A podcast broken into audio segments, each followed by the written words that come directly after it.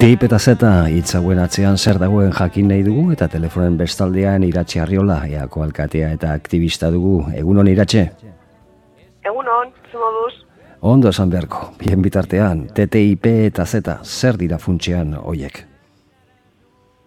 Ba, tratatu hauek dira Europa eta ezatu batuen artekoa da tipa, eta zeta da Europa eta Kanadaren artekoa, ez? Eta azken batean dira, ba, multinazionalek egiten dabiltzan, baiaia konstituzio propio baten aldekoa, ez? Ba, mm, gobernuen eta ba, nazio subirautzaren gainetik, ba, beraien mesederako egiten dabiltzan e, tratatua dira, ez? Europarekin negoziatzen dabiltzanak. Zetaren kasuan, ba, dagoeneko ja negoziatua dago eta berain ratifikazioa datorren urtean eman, emateko asmoa dago Europako batasunean, kontzeiuan, eta tiparena, ba, aurreatu egon arren, e, atzetik datorren tratatu bada, eta momentu ematen du, ba, erdi geldian zean datorrela, baina e, nola biak ere ate baitzietan egiten ari diren, ez ez, hor ba, ez dakigu larregi beraien inguruan, komunikabidetan ere ez dira larra saltzen,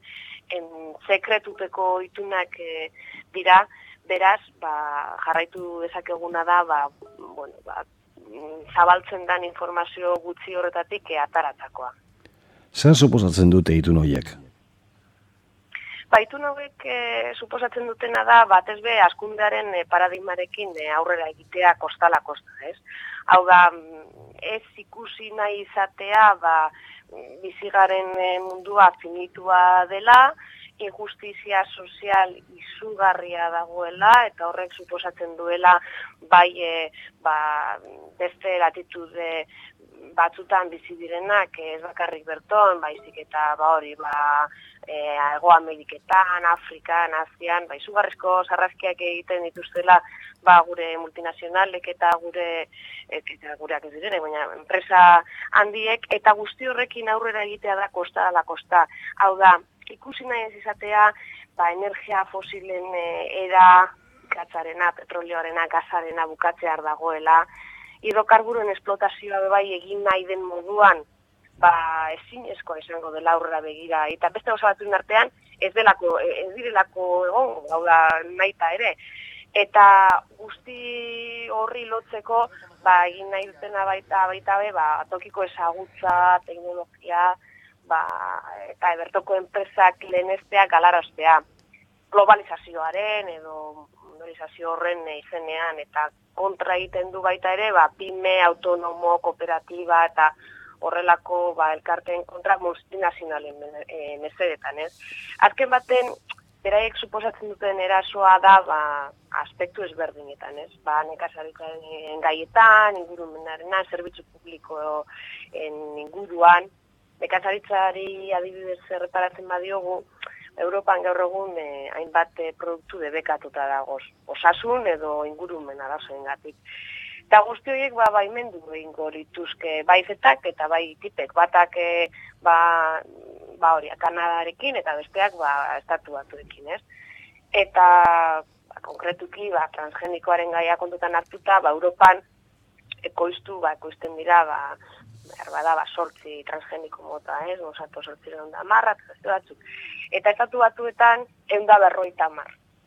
Ba, tiparen eraginez, esan daigun, ba, e, eunda berrogeta mar oiek, komertzializazio bidea zabalik izango zuten e, Europan, gaur galasota e, daukiena.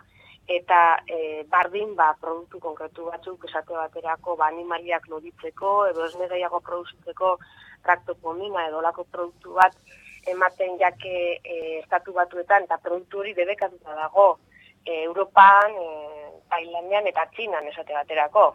Bueno, ba, honen ondorioz, nola e, tratatu deke albiratzen dutena da, zen, e, estatu batuetan esate baterako, balizko diren produktuak hemen ere balizko izatea, nahiz eta gaur egun batzuk ez diren, ba, horrek egin dukena da, ateak e, zabaldu, ez?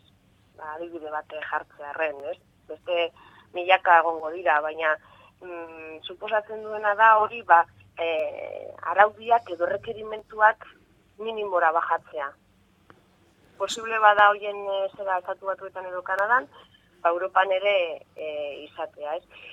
eta multinazionalek erabiltzen duten e, ba, hau lortzeko erabiltzen duten aitzakia edo da, ba, bestela libre kompetentzia edo merkatu librearen kontra egiten dela, ez? Ba, protekzionismo edo horrelako e, zer bat erabiltzen dela, eta horrekin me, ba, apurtu behar dela, ba, mundializazio edo globalizazioaren izenean, eta ba, Zorionez gero eta jente gehiago eh, Europan bederen eh, badaki TTIP edo Z zer diren, eh, mobilizazioak errealak dira eta esaterako pasaden aste buruan Bruselan egon zineten azteko manifestazioa eta jarraitzeko itzaldi batzuk ditugu.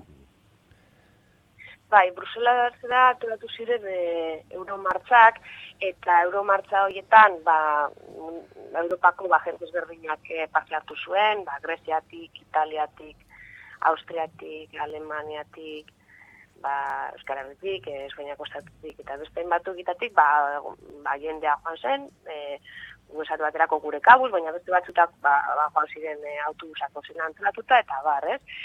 Eta, bueno, bazken baten e, asmoa hori izan, bizibilizatzea, ba, ba, daudela, ba, beste Europa bat nahi duten e, pertsonak, hau da, ez dela Europaren kontrako kontu bat, baina gaur egungo Europak, ba, troikaren izenean, eta austeritatearen, eta ezak izen bat konturen izenean, ba, ikusten dugu, ba, nola mm, jarduten duen, ez? Ba, Greziarekin, edo Zuriako errefusiatuekin, edo beste hainbat, e, edo zerbitzu publikoen privatizazioarekin, edo hainbat e, konturekin, ez? Eta, ba, mm, mobilizazioekin edo bizilizatu nahi dena da, ba, Europa bai, nahi dugula, baina pertsonen e, Europa. Eta, e, konkretuki, ba, ba, Bruselasen, ba, iru egunetako da, mobilizazio eta itzali, tailerrak eta bar egon dira, eta bueno, basareak egiteko, beste batzukin ezagutzeko eta ba, aukera ematen dutenak, ez? Behar bada gehiago aprobetsatu e, zituzken horretarako ba, espazioak bezera bera antolatu izan balira, baina, bueno, zerbait bada eta aurrera begira be ematen dau, ba, bueno, interesagon daitekela Europa mailan, ba, mugimendu sozialetatik eta bar, aurra beti beste irizpide batzun araberako ba, Europa bat edo ba, proposatzeko edo sertzeko edo ganen elkarlanarekin horretan ari. Iratxe Reola, eako alkatea eta aktivista, mila esker, gure deiari erantzutegatik eta urrenko arte. Zauei, ondo izan, arte. Berdin, agur.